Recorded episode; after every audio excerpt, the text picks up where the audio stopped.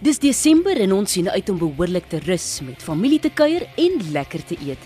Maar die feesseisoen is ook bekend vir padsterftes.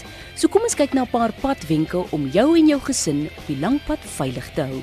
Voor jy in die pad val, maak seker jou voertuig is padwaardig. Kyk na jou motor se olie, water en dan nou banddruk. Beplan ook die roete en gee jouself genoeg tyd om jou bestemming te bereik. Hierdie werk nie altyd vir almal nie, maar stop tog elke 2 uur of elke 200 km. Rus as jy moeg is, daar selfs 'n bordjie langs die pad wat dit vir jou sê. Maak seker dat almal dra teen alle tye hul veiligheidsgordel en probeer om nie in die nag te bestuur nie. En dan bring dan genoeg musiek saam sodat almal maar in die motor saam kan sing of luister radio as die pad dan nou vir jou vervelig raak. Maak ook seker jy die volgende noodtoerusting: domkrag, moersleutel, gevaardriehoek en 'n spaarband. Maak ook seker jy weet hoe om jou motor se bande te ruil en as jy nou onseker is, gaan vind dan gou uit. Volg die hoofpaaie en tolpaaie, want as jy op minder bekende paaie wil ry, maak dan seker jy weet wat die afstand tussen twee dorpe is. Padongelukke is wêreldwyd die grootste oorsaak van dood onder jong mense van 15 tot 29 jaar. Dikwels, indien nie meestal nie, kan dit voorkom word.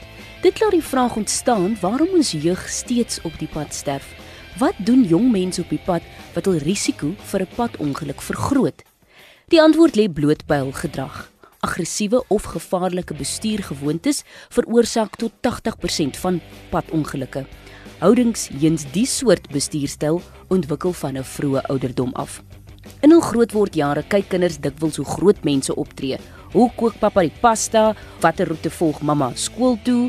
Dis is dit geen wonder nie dat hulle dalk onslegte gewoontes ook naboots. En kyk, dit sluit nou swak pad gewoontes in.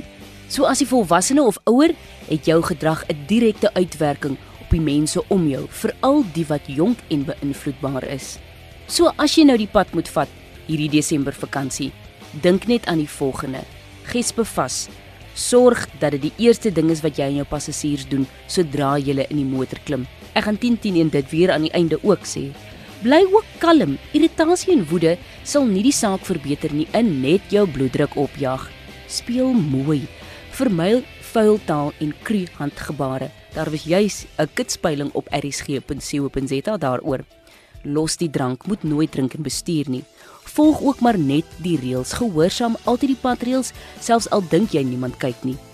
Dink ook aan ander. My oupa het altyd gesê, jy moet maar vir almal op die pad dink. So neem ander padgebruikers in ag.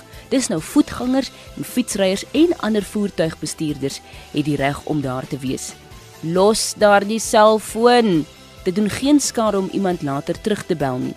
Moet nooit 'n teksboodskap stuur terwyl jy bestuur nie en gehoorsaam die spoedperk altyd. Padveiligheid begin by jou. En wat is reël nommer 1? Gespe vas.